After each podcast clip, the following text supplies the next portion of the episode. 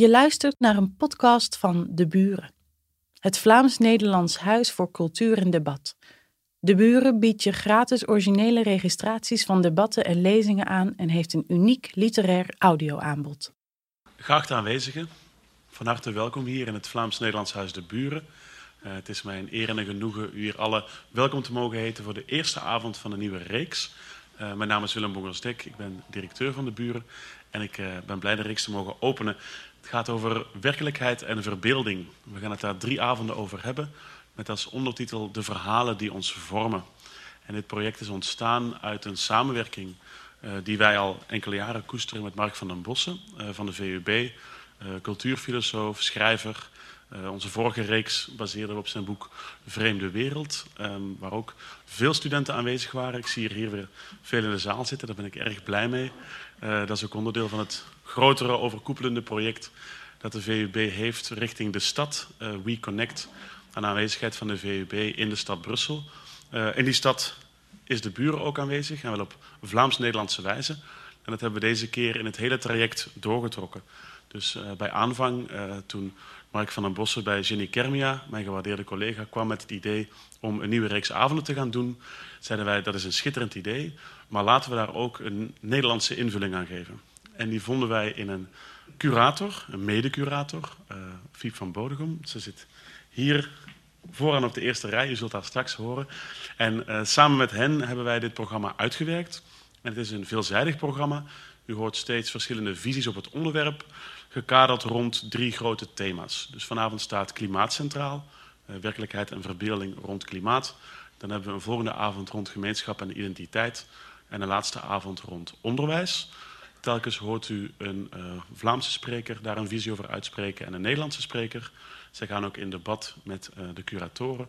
En uh, er is ook gelegenheid voor u om uw vragen te stellen als u die zou hebben.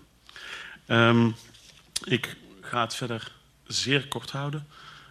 ik kom straks nog even terug om een, een jonge schrijver aan te kondigen. Want elke avond wordt ook gekruid met, de interventie, met een interventie door mensen die beroepshalve met verbeelding bezig zijn. Uh, maar ik zal nu eerst het woord laten aan Mark van den Bossen.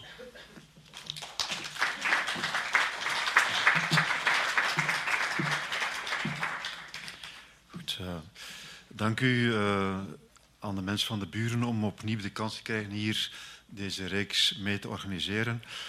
Um, heel kort, uh, vijf minuten. Dat idee om rond verbeelding te werken heb ik eigenlijk uh, in grote mate te danken aan mijn collega Hans Alma. Ik zoek haar nu even daar. Omdat wij samen in een project zitten, uh, Simagine, rond uh, sociale verbeeldingen. En dan denkt u, ja, verbeelding, dat is een term die wij allemaal kennen.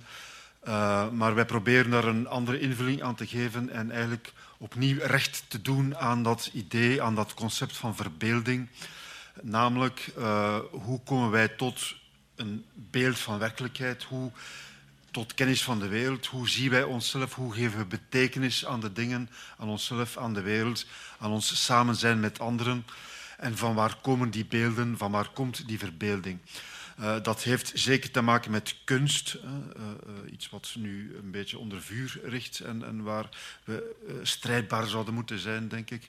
Maar verbeelding gaat over veel meer dan kunst alleen. Het gaat over wat de media ons voorschotelen. Hoe komt het dat we een bepaald beeld hebben van man-vrouw, van de westerse cultuur die zich zo superieur meent te moeten achten naar andere culturen toe? Van waar komt dat allemaal? Dat rijst op uit een veelheid van aan perspectieven perspectieven, uh, media, onderwijs, opvoeding, een aantal evidenties waar wij mee leven. Maar net omdat het gaat om verbeelding, wat betekent dat dat niet iets is als een objectieve, vaststaande werkelijkheid, iets wat ook anders verbeeld kan worden vanuit al die hoeken uh, die ik net noemde.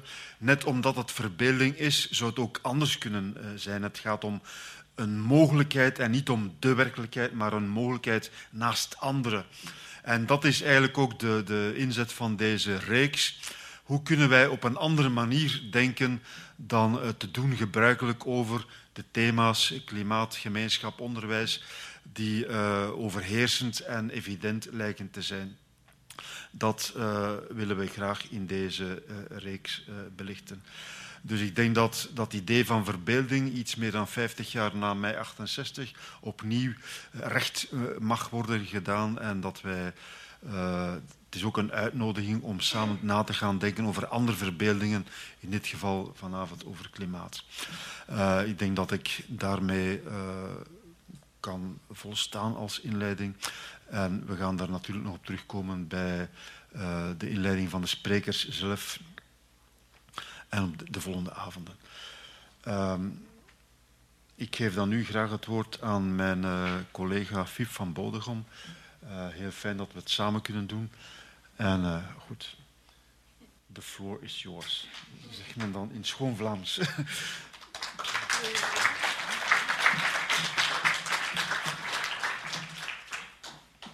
Goedenavond. In het boek The Great Derangement, Climate Change and the Unthinkable schrijft de Indiase schrijver Amitav Ghosh het volgende. I have come to recognize that the challenges that climate change poses for the contemporary writer although specific in some res respects, are also products of something broader and older, that they derive ultimately from the grit of literary forms and conventions that came to shape the narrative imagination in precisely that period when the accumulation of carbon in the atmosphere was rewriting the destiny of the Earth. Ik leg het nog uit hoor. Met andere woorden, Ghosh vraagt zich af wat de potentie kan zijn van een kunstvorm die in feite gelijktijdig is ontstaan met de fossiele economie. Voor hem zijn de karakteristieke kenmerken van de burgerlijke roman, namelijk realisme, individualisme en een geschiedsopvatting van continuïteit in plaats van breuken, precies die onderdelen die het voor ons onmogelijk maken om te bevatten, in te beelden wat er nu op dit moment gebeurt op globale schaal. Laat staan ons in staat stelt een aanzet tot een antwoord te formuleren. Um, in, na, in, navolging van uh, Bruno Latour betoogt Gauche dat met de ontwikkeling van de moderniteit een even groot project van repressie en compartimentalisering plaatsvond. De wereld is opgedeeld in strikt gescheiden gebieden van wetenschap en cultuur, van vooruitgang en primitiviteit. Maar om te begrijpen wat er met de aarde gebeurt, of wat de mensheid haar heeft aangedaan, moeten we in staat zijn de aarde te zien als entiteit en niet uitsluitend als grondstof of decor voor het leven. Amitav Ghosh legt een verband tussen de met kostbaar zoetwater geïrrigeerde gazons in Californië en Abu Dhabi en de groene gazons van de landhuizen in Jane Austen romans. Haar werk en de cultuur waar het onderdeel van was en is, produceert verlangens naar levensstijlen, goederen en cultuurproducten, die de schadelijkheid van de cultuur die ze voortbrengt zowel illustreren als ontkennen. Een echte klimaatroman, eigenlijk, ja, ik kan alleen iets over romans zeggen eigenlijk, is misschien dan ook wel niet de roman die laat zien hoe verschrikkelijk het met de wereld gesteld is, of die lezers mobiliseert om actie te ondernemen. Wellicht is wat de klimaatroman nastreeft tegelijk bescheidener en grootser. Het verlangen opwekken naar een leven dat niet zonder meer tegengesteld is aan het voortbestaan van de wereld, maar op een of andere manier mee samenvalt. Verlangen klinkt mooi, verlangen klinkt poëtisch. Maar is uiteindelijk het grote obstakel in het beperken van de schade van de door mensen veroorzaakte opwarming van de aarde en het uitsterven van de soorten door inperking van levensruimte. Uh, en ik gebruik deze lompe omschrijving om de ondertussen bijna eufemistische term klimaatverandering te vermijden. Echte verbeelding is dus dat obstakel echte verbeelding. Is het niet gewoon een log en cynisch bedrijfs- en bestuursapparaat op nationale en globale schaal? Maar misschien moet ik ook dat nuanceren, want ook het electoraat lijkt nog niet massaal te stemmen op de partijen die van klimaatverandering een serieus issue maken in hun verkiezingsprogramma. Wat de recente overstroming in Venetië, de branden in Australië, het klinkt altijd oppervlakkig om, die, om die een van die kleine voorbeelden uit de talloze mogelijke voorbeelden te plukken, maar wat die laten zien is dat veel gevolgen van klimaatverandering zowel veroorzaakt worden als verergerd worden door kapitalisme en neoliberaal beleid. Venetië werd mede zo zwaar getroffen door het water vanwege fraude met de fondsen die bedoeld waren voor infrastructuur om de stad tegen water te beschermen. De branden in Australië zijn mede zo moeilijk te controleren door jaren van bezuiniging op brandweerlieden en materiaal. Neoliberalisme is niet een terugtrekken van de staat uit de markt ten gunste van de markt. Het is een actief, vasthoudend interveneren van de staat ten gunste van kapitaal in de maatschappij. Maar hier vertel ik jullie niets nieuws, denk ik. Waarschijnlijk, hopelijk. De vraag die steeds terugkomt is de rol van het individu in deze ontwikkeling. Of voor mij nog steeds het individu. Wat kan ik doen? En dan doe ik niet, juist niet op die slogan van de overheid of de Nederlandse overheid uit de jaren negentig. Een beter milieu begint bij jezelf. Nee, de vraag is: wat is de meest effectieve manier waarop ik, ik, dit individuele lichaam, toch weer individu, en de privileges en burgerrechten en vaardigheden die ik heb, kan inzetten voor structurele verandering? Daarover vanavond hopelijk meer. Um, en dan wil ik meteen ook mijn de volgende spreekster introduceren. Rebecca de Wit, schrijver en theatermaker. Uh, in 2015 verscheen haar debuutroman, We komen nog een wonder terug. En uh, onlangs, dit jaar, publiceerde ze een essay met de titel Afhankelijkheidsverklaring, waarin ze met doortastende naïviteit onderzoek doet naar de grenzen van het zogenaamd vanzelfsprekende. Het gezonde verstand en de zo is het nu eenmaal die ze tegenkomt tijdens buurtbarbecues, verjaardagen en spontane gesprekken in de publieke ruimte. Een aanrader. Daarnaast werkt ze samen met collega en theatermaker uh, Anouk Nuyens aan De Zaak Shell, een serie monologen die de rechtszaak tegen Shell vanuit verschillende perspectieven benaderen. En tot zover kwam de perspectieven van Shell, de overheid, de burger en de consument aan, bod, uh, aan bod. En we zullen meer over, over dit project spreken nog. Rebecca.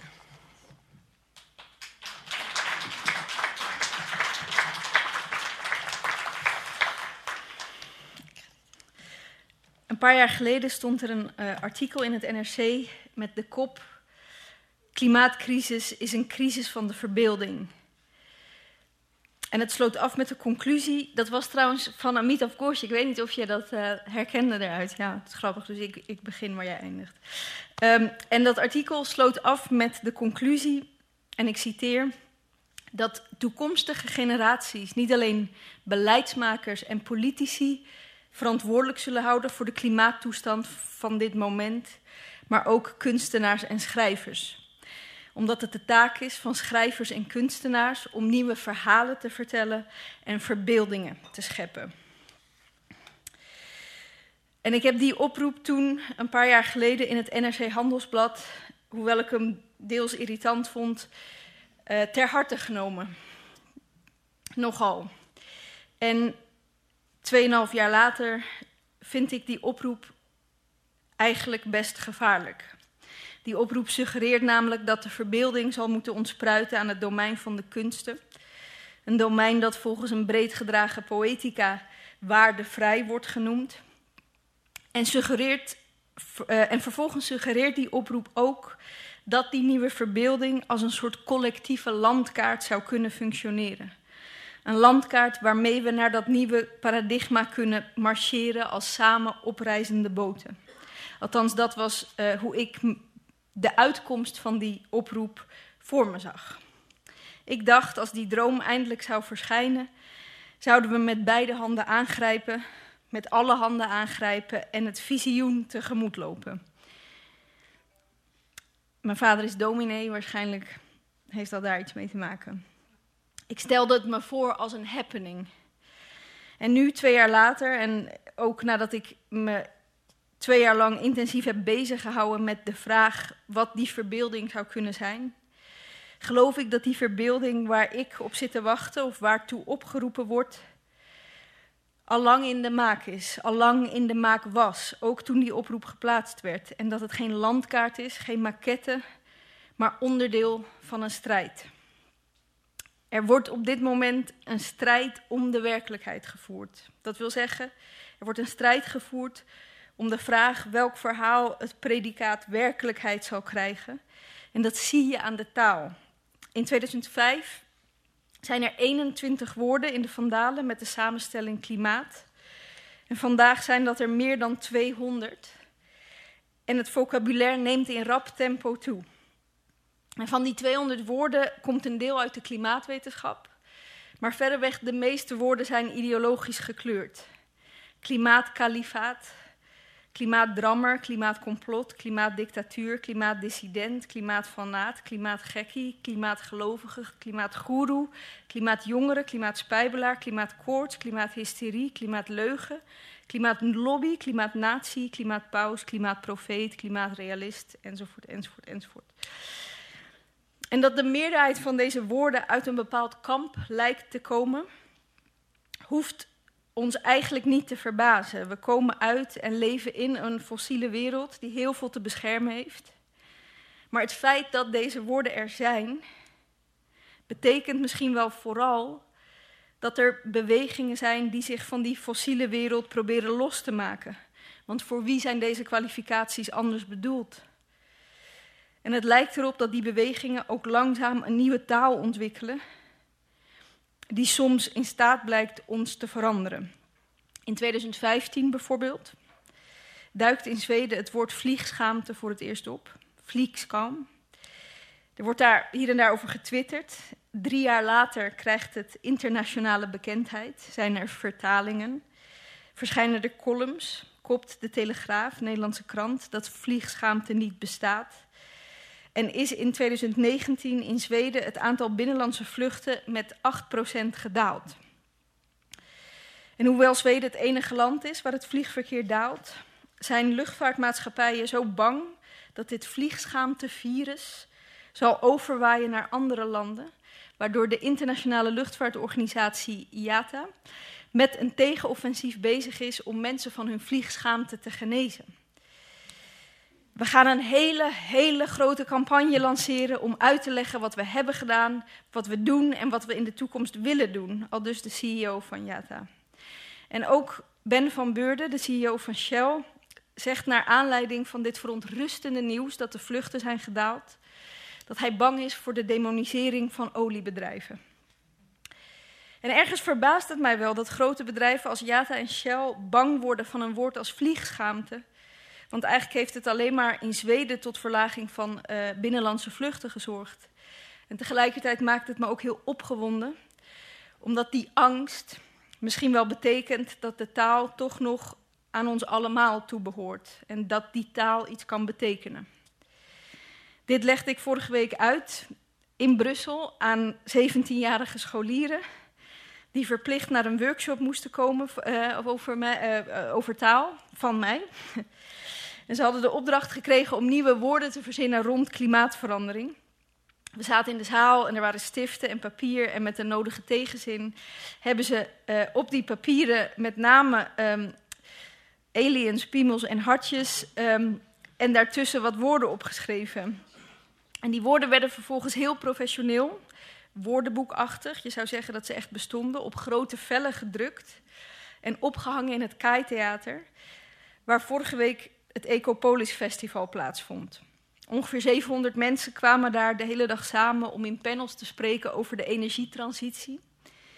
En een van de woorden die de jongeren hadden bedacht was de fossielgeneratie of de fossiele generatie. En de jongeren waren uitgenodigd om die dag ook te komen naar Ecopolis om toelichting te geven bij hun woorden. Trumping was er bijvoorbeeld ook een van. Alleen niemand kwam opdagen. Ze zaten wellicht ergens piemels te tekenen op een papiertje. Terwijl die hele dag in het KAI draaide om Generation Hope. Je zou er een mislukking in kunnen lezen, maar op de terugweg van Brussel naar Amsterdam hoorde ik achter me iemand in de trein zeggen: Maar goed, weet je wat het is met die fossielgeneratie?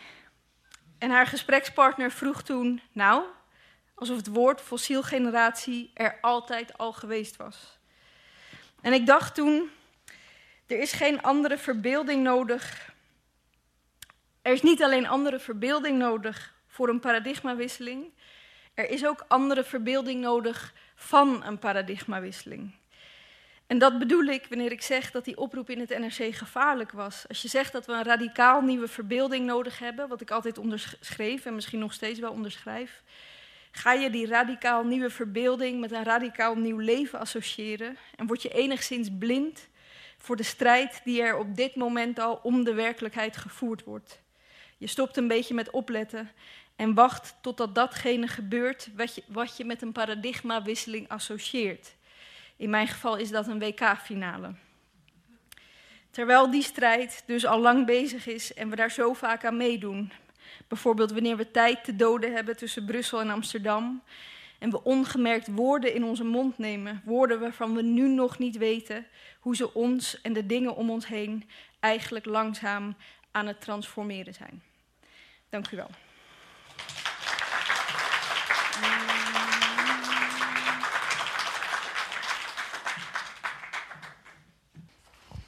Dankjewel, Rebecca. Ja, jij ook bedankt voor je stuk. Ik wilde um, misschien allereerst mijn eerste uh, reactie toen ik je stuk ook eerder al las, is dat je altijd toch, en dat heb ik ook in je uh, boek gemerkt, toch altijd een optimistische eindnoot hebt.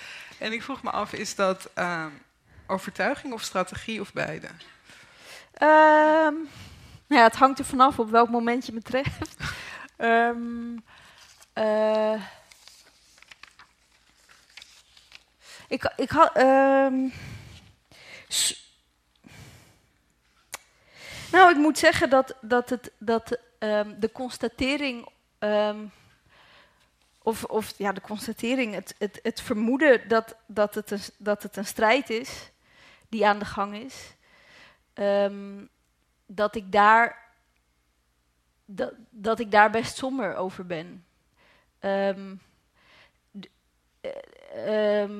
dus als de keuze is overtuiging, strategie of allebei.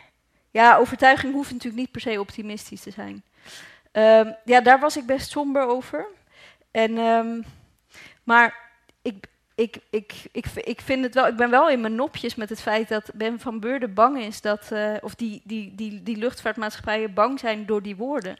Dus ja, um, en um, ik, nee, ja, ik ben doorgaans best somber over, okay.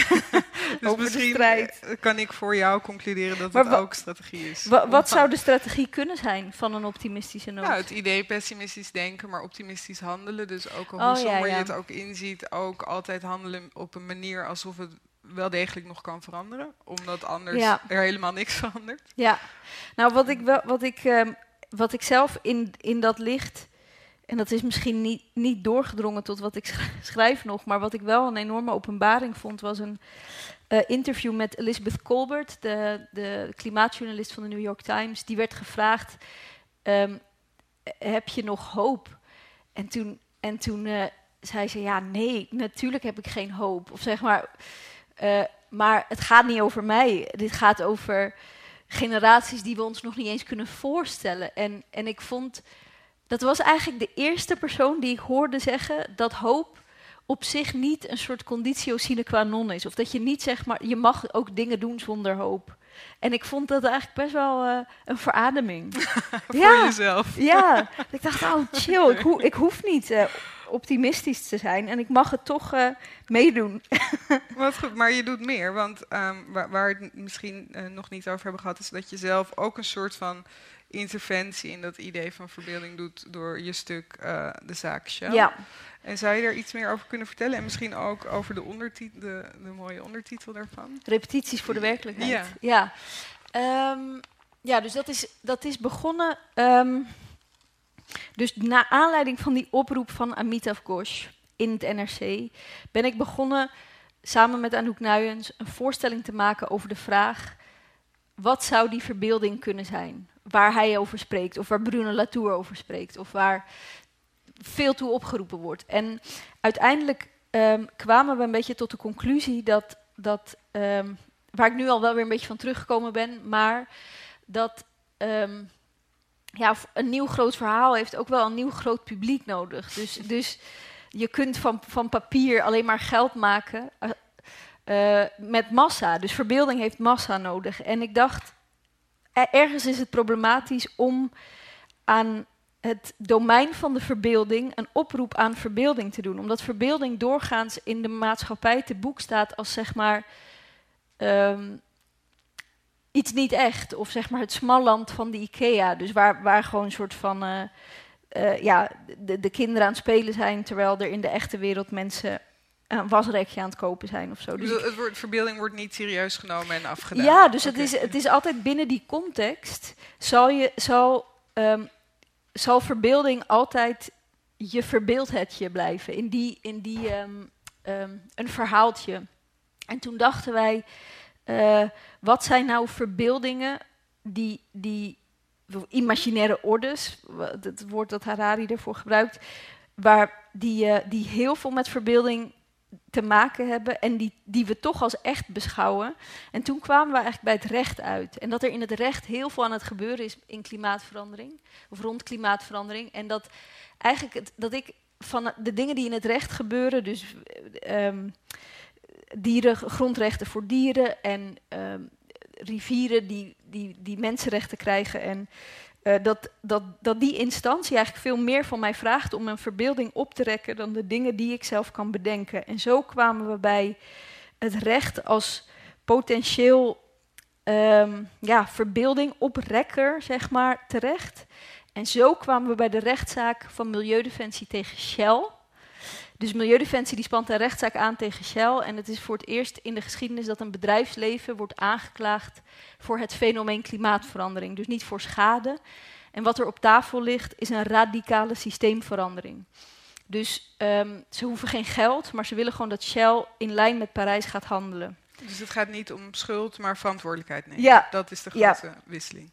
En Shell die um, um, heeft gereageerd op die aanklacht door te zeggen: ja, jongens, maar wij zijn niet schuldig. Ik bedoel, jullie, wij, wij, wij, wij pompen olie op om aan jullie vraag te voldoen. Dus de consument is schuldig. En ik realiseerde me toen dat, dat de consument. Um, nou ja, ik wilde dat perspectief onderzoeken, omdat ik merk dat ik daar best wel vatbaar voor ben. Voor, voor, voor het argument dat ik inderdaad met mijn handelen bijdraag aan klimaatverandering. En, uh, en ik dacht toen, zouden we niet een verdediging van de consument kunnen schrijven waarin we dat perspectief, of de vraag, is de consument echt vrij, wat Shell beweert, uh, kunnen uitwerken. En zouden we dan een soort van in het theater, in plaats van de werkelijkheid te representeren, een plek kunnen maken waarbij de consument zijn tekst kan repeteren. En, en, uh, Voor als hij deze beschuldiging krijgt, ja. uiteindelijk, uh, het is niet het bedrijf dat schuldig is, maar de consument die maar blijft. Ja, precies. Dus dat je gewoon wat beter bewapend bent in dat debat. Want de waarheid is dat Shell um, ja, natuurlijk al heel lang aan het repeteren is um, voor deze werkelijkheid. Ja, misschien dat we dat fragment nu kunnen laten zien. Dat is uh, vrij concreet namelijk. Shell die heeft een scenarioafdeling waarbij ze... Um, de, de werkelijkheid waar we nu in leven, ja, ik kan het ook parafraseren, dat is misschien makkelijker.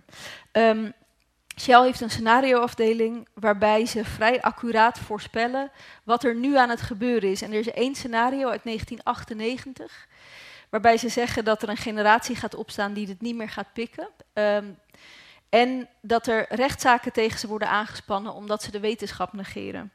En ze hebben dan in dat scenario uit 1998 allerlei uh, communicatiestrategieën ontwikkeld. Um, om, om daarmee om te gaan. Dus dat consumentenargument, dat lag al heel lang klaar. Dus Shell is in feite ons al heel wat jaren meer aan het repeteren. Dus die kan zijn rol beter spelen. En we dachten, wat zou er nou gebeuren als, als we van het theater een plek maken waar burgers en consumenten, of mensen die geen scenarioafdeling tot hun beschikking hebben, wat als we die oprichten? En voor de consument en de burger teksten gaan schrijven om je te uh, ja, bewapenen of zo in dat debat. Um, dus, dus vandaar het, um, het repetities voor de werkelijkheid. Maar heb, heb ik nou geantwoord op je vraag? Niet helemaal, maar uh, ja. we hebben ook niet heel veel tijd meer. Maar ja. om het dus heel ja. kort te zijn, jullie hebben uh, gesprekken geanceneerd uh, tussen karakters. En de ene is het spreekbuis van Shell en de ander is de burger. Ja, het zijn geen gesprekken, het zijn echt pleidooien. Ook monologen en pleidooien. En het idee is dat Shell al 30 jaar de tijd heeft gehad om zijn eigen straatje schoon te vegen. Of nou ja, om de schuld af te schuiven. En de vraag is, wat kun je als consument, als je daar niet mee eens bent, maar toch verleid wordt door die glibberige argumenten. Ja. Wat kun je direct daartegen ja. inbrengen met kerst tegen je schoonfamilie? Ja, of nou ja, wat in welke context dan ook. Ja. Um, en, en zijn die, wat waren de reacties van de bezoekers? Vonden die dat plausibele antwoorden? Um, uh, ik denk wel dat er in, die, in, in elke monoloog tot nu toe wel een beeld zit... Um, of een zin die je op een kerstdiner zou kunnen reproduceren. Heb je er een voor ons? Ja, dus bijvoorbeeld in de consument zit... Um, een beeld dat de consument, uh, dus die loopt de, de supermarkt binnen en die ziet zichzelf in de reflectie van de kaas, uh, um, etalage. uh, en die, die, um, die denkt, shit, wat zie ik eruit, ik heb wallen tot op mijn ogen. Waarom moet ik nu gaan beslissen vanavond om acht uur in de supermarkt of de tonijn mag uitsterven of niet? Dat mag ik je toch niet aan mij overlaten? um, Ook een beetje laat. Ja. um, en uh, ja, de, en, en bij de burger zit er, zit er, zit er, zitten er een paar, maar die heb ik net geschreven. Dus die kan, ik, ik kan, die kan die nog niet zo goed reproduceren als de consument. Maar dat is inderdaad een beetje het idee, ja. Dat je dus... Um, maar we, bedoel, we verdiepen ons ook in Shell en de overheid. Dus het is niet een anti-Shell mm. voorstelling. Um, maar het is wel de hoop of zo dat, dat je op een of andere manier door al die stemmen naast elkaar te plaatsen. En niet een debat wat zeg maar zo door elkaar loopt, dat je, dat je echt um, inzicht krijgt in de retorieken die er bestaan en, en, en wat voor soort verhalen er verteld worden in die debatten. Ja. Dankjewel, ik moet je hier afbreken want, en het woord geven uh, aan de volgende ja, sprekers. Maar we komen weer terug en okay. we gaan hier zeker yes. op, uh, op door. Dankjewel. Ja. Uh, ja, of we nemen het weg. Oh, of zijn er nog... Uh, misschien toch nog iets over die verbeelding. Uh, het is een nogal uh, krasse uitspraak die ik hier niet uh, kan genoeg onderbouwen om u te overtuigen misschien. Maar ik denk dat er niets anders is dan verbeelding. Verbeelding is niet iets wat we er bovenop nemen. Ik denk dat wij alleen maar via verbeelding naar de werkelijkheid kijken. Dat wij niet anders kunnen. Dat de mens tot niet meer in staat is. Um, en die verbeelding dat heeft te maken met evidenties waar wij mee leven. En ja, ik ben uh, filosoof en dan ga je zoeken naar datgene waardoor wij gedragen worden. Hoe komt het dat wij een bepaalde kijk op de wereld hebben, op onszelf, op ons mens zijn, op ons mens zijn met anderen en zo meer.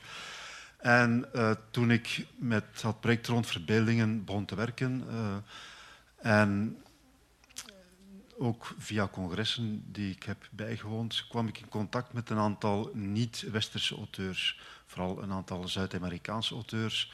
Uh, Walter Mignolo, Enrique Dussel, uh, Annibal Quijano.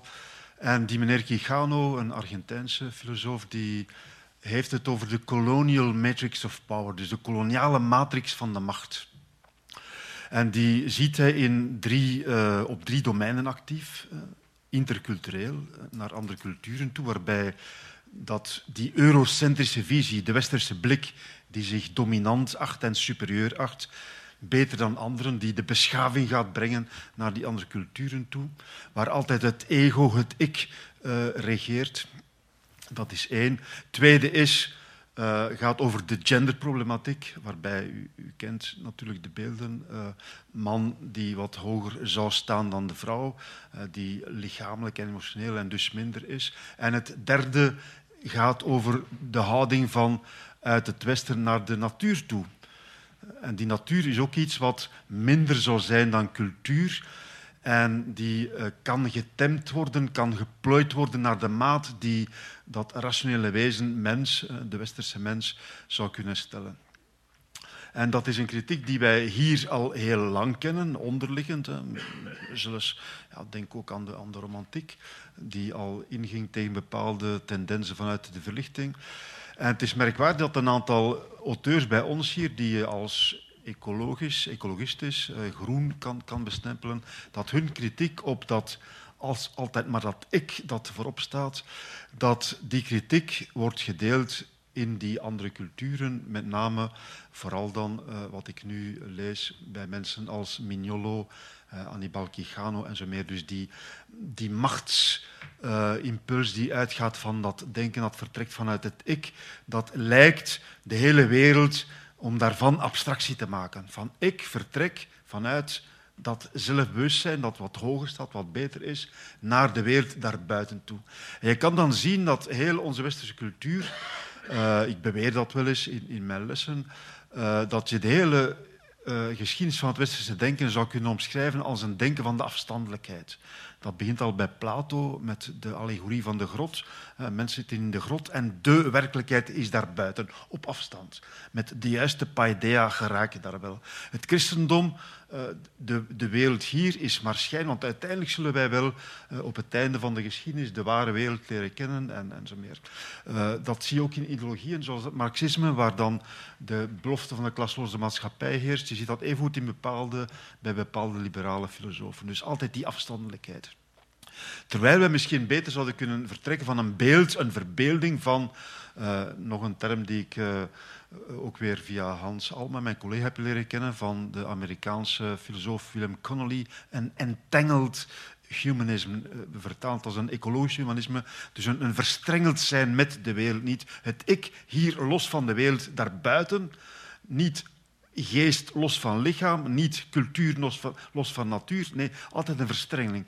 Hetzelfde voor, voor man-vrouw. Eh, waar is die, die, die radicale scheiding die wij zo graag hanteren? Ik denk dat daar het, het begin ligt van, van, een andere manier van kijken.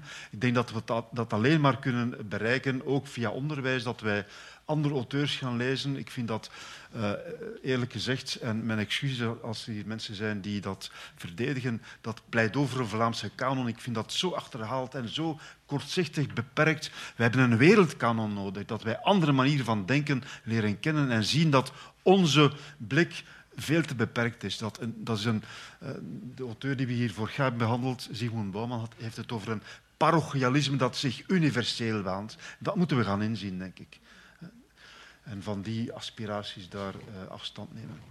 En ik meen dat ik dat ook mag zeggen, want ik die heel mooie documentaire van Nick Balthazar, waar uh, Vlaams bouwmeester Leo van Broek een centrale rol speelt. Ook daar ging het altijd, uw collega had het over altijd maar dat ik. En, en dat, dat zie je ook weerspiegeld in, in dat klimaatbeleid. Er wordt daar ook drie keer, ik heb het geteld, het woord verbeelding gebruikt. Dus een andere verbeelding van ruimte. En ik denk dat wij daarover nu Vlaams bouwmeester Leo van Broek veel beter dan mezelf gaan horen.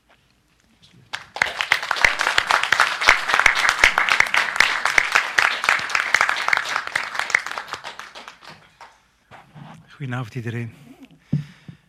Het is boeiend om, om, als ontwerper de vraag te krijgen wat de verbeelding voor ons kan doen in relatie tot de klimaatproblematiek. Ontwerpers doen niks anders dan mensen via tekeningen doen verlangen naar alternatieven voor de manier van leven waarin we nu zitten. Dat betekent dat je niet alleen maar, hè, want ontwerpen is altijd een beetje zoals een dokter, een probleemoplossend proces. Je hebt een vraag, een probleem, een, stukje ruimtelijke ordening. En mijn interesse voor sommige mensen denken dat ik geïnteresseerd ben in het klimaat, en dat is eigenlijk een misverstand omdat het klimaat maar een klein bijproduct is, het klimaatprobleem van overshoot. Te veel mensen die te veel ruimte gebruiken. En ruimtegebruik is mijn stiel. Als er ergens een stuk natuur verkloot is door de mensheid, dan was er een architect die dat plan getekend heeft. Die de gebiedsgerichte ontwikkeling getekend heeft, die het masterplan gemaakt heeft, het stedenbouwkundig plan getekend heeft, die beslist heeft samen met politiek kapitaal economie. Dit stuk natuur mag landbouw worden, mag een voetbalveld worden, mag een woonwijk worden. En dus, in tegenstelling tot wat de politiek denkt, dat ik buiten mijn kerntaken ben gegaan, want dat staat nu zo in het regeerakkoord, ben ik er meer dan ooit binnengebleven en heb ik altijd gezegd, jongens en meisjes van de klas, als jullie denken dat ons mama koorts heeft en dat ze daardoor gaat sterven en je koelt haar af en je zoekt niet naar waarom ze opwarmt, dan zal ze doodgaan zonder koorts. En dat is eigenlijk al volop bezig. De aarde heeft een jas met drie laagjes: water, bodem en lucht. En dat water is leeggevist. 80% van de vissen zijn weg. Niet de soorten, maar de exemplaren. Water drijft vol plastic, het verzuurt door contact met CO2. Zuur water tast kalk aan, dat weet iedereen met een koffiezetapparaat. Dus koraal lost op. Klein neveneffect, fytoplankton lost ook op, want het is ook een kalkskeletje, kleine beestjes. Maar een kwart van de zuurstof op aarde wordt gemaakt door bomen. Drie kwart door fytoplankton. Klein detail van CO2 in de atmosfeer die niks met opwarming te maken heeft. We zijn onze zuurstofmachine aan het vermoorden. Tweede laagje van de jas, de bodem. 75% van de vruchtbare bodem is mensenruimte geworden en geen natuur meer. De beesten zijn bijna weg. Niet door de opwarming, want die moet nog beginnen. Een cijfer uit het jaar 2000. In het jaar 2000 was er een hoeveelheid wezens op aarde met een skelet. De gewervelden. Op het land en in de lucht. Zet die allemaal op één weegschaal en je hebt de gewervelde biomassa. In het jaar 2000 was dat gewicht als volgt verdeeld. 65% was de menselijke veestapel. 32% was de mensheid. En gewervelde dieren in de natuur nog slechts 3% van de gewervelde biomassa. 19 jaar geleden. Geen prognose, geen doemdenken. Het is ondertussen al veel erger. 10.000 jaar geleden wogen de gewervelden in de natuur 300 miljoen ton. Vandaag nog 25 miljoen ton. Heeft niks te maken met klimaat en niks met opwarming, maar met het feit dat wij alle ruimte hebben afgepakt. Boudry heeft gelijk. Het is nog nooit zo goed geweest met de mensheid dan vandaag. Scholingsgraad, gezondheidszorg, levensverwachting. En daardoor is het nog nooit zo slecht gegaan met de natuur als vandaag. Dus het optimisme heeft een oorzaak in een desastreuze situatie van de planeet. En de derde laag van de jas, de lucht, ja, die zit vol broeikasgassen en dat is een deken. Dat is 300 tot 500.000 jaar fotosynthese in bomen die zonne-energie hebben omgezet in koolstofverbindingen, die we op 200 jaar sinds de industriële revolutie terug in de, atmosfeer hebben gespoot. Dus ja, het klimaat is een probleem. Maar eigenlijk in detail als je de totale ineenstorting van het planetaire ecosysteem ziet. De groep die een paar weken geleden voor het Koninklijk Paleis stond, noemt zich Extinction Rebellion. Klimaat komt niet eens aan dat woord voor. In de speech van Greta Thunberg voor het Europees Parlement heeft het woord klimaat niet eens gebruikt. Uiteraard is dat een probleem. Maar de opwarming is een neveneffect van de hubris van de mens in het veroveren van de ruimte van deze planeet. Er is maar plaats voor 15 miljard mensen op aarde als alle natuur weg mag. Dan is alles landbouw en is op één decennium ook de landbouw dood en wij ook. Dus de vraag is niet hoeveel mensen kan de aarde voeden, de vraag is hoeveel mensen mogen er op aarde zijn als we voor elke soort plant en dier, en nu komt de verbeelding, een ideale, gezonde hoeveelheid ecosysteemruimte willen. Als de aarde terug een paradijs wordt. Als onze woningen, onze architectuur, onze steden ook een paradijs kunnen geven aan onze woonwensen. Wel, dan is er plaats voor 1 miljard mensen op aarde als we allemaal leven zoals de huidige Noord-Amerikanen plat kapitalisme, vervuiling en maximaal marktdenken. Als we leven zoals voorzichtige huidige Europeanen 2 miljard en als mensen met een zeer lage CO2-uitstoot en die weinig vlees eten misschien 3 miljard en half. Daar zijn we pas binnen 300 à 400 jaar. We beginnen binnenkort te dalen in aantal, binnen 30, 40 jaar. En het probleem is, als we onze CO2 op nul krijgen, begint de aarde al terug af te koelen binnen 200, 300 jaar. En als we een soort kwijt zijn daarentegen, en we zeggen, oei, we moeten dringend terug plaats maken en natuur maken, wilde, echte, ontoegankelijke natuur waar wij slechts op bezoek komen, zoals in een schuilhut in het Zwin. En we wachten tot er door mutaties, nieuwe soorten en selectie, darwinisme, survival of the fittest, een nieuwe soort opstaat die ongeveer een equivalente rol heeft in de voedselketen en in het evenwicht van de verschillende soorten, dan is de gemiddelde wachttijd 20.000 jaar. De hersteltijd voor ecosysteem en vooral voor biodiversiteitsverlies is veel, veel langer dan de hersteltermijn voor opwarming. Dus ja, ik blijf binnen mijn kerntaken van ruimtelijke ordening en binnen die verbeelding van ons allemaal samen doen verlangen naar handelingen die nodig zijn om die paradijselijke aarde, die voor elke levensvorm terug, ook voor ons, een ideale plek. Architectuur is de plek waar een levensvorm zich vestigt op aarde. Ontwerpen is de vraag hoe geef je vorm aan de ruimtelijke aanwezigheid van de menselijke soort in evenwicht met de andere soorten. Dat is een morele vraag, dat is een politieke vraag. Dat is een vraag die kritische vragen oproept bij economie, bij verdienmodellen, bij de rechten die wij ons eigen soort nog toekennen in relatie tot de anderen.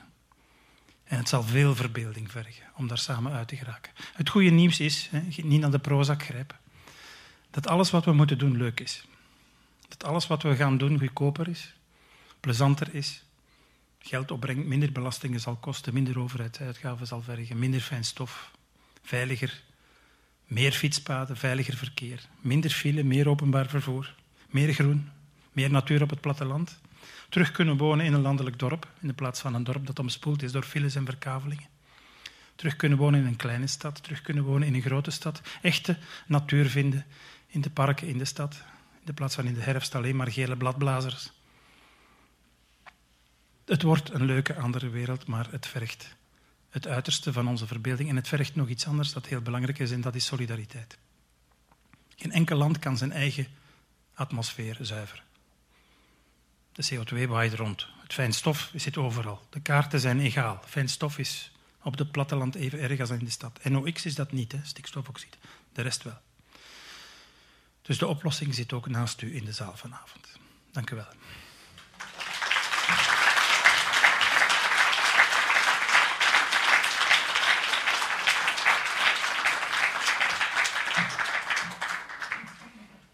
Uh, meneer Van Broek, mag ik u bij de voornaam noemen? Uh, Tuurlijk. Uh, ja, ik durfde bijna niet meer die vraag stellen of u optimistisch of pessimistisch bent. Uh, ik, ik, ben gisteren uh, gelukkig geworden, of eergisteren, bij het bekijken van die documentaire van Nick Balthazar, Plannen voor Plaats, omdat ik daar heb ontdekt dat er toch wel heel veel bezig is bij mensen. En zo in mooie beelden die ik zie ontstaan op plekken die ik niet verwacht had, uh, Kortrijk, uh, Harelbeek en zo meer. Dus er is toch wel iets op gang, blijkbaar. Ja. ja. En wat is dan het probleem? Waarom is er zo een tweedeling hier ontstaan, hier in Vlaanderen, tussen voor- en tegenstanders van, van die, dat soort verandering? de klimaatontkenners. Ik had mij echt voorgenomen om vanavond nooit Maarten Boudry te noemen. U heeft het nu zelf gedaan. Maar uh, hoe komt dat dat er zo een, een hele grote groep mensen en politici uh, is die zich verzet tegen die mogelijke andere verbeelding? Welke belangen? Het is planetair, het is niet typisch Vlaams. Nee. De sociale media en de pers zitten ook voor een stuk in, daar iets, voor iets tussen als polarisatiemachine.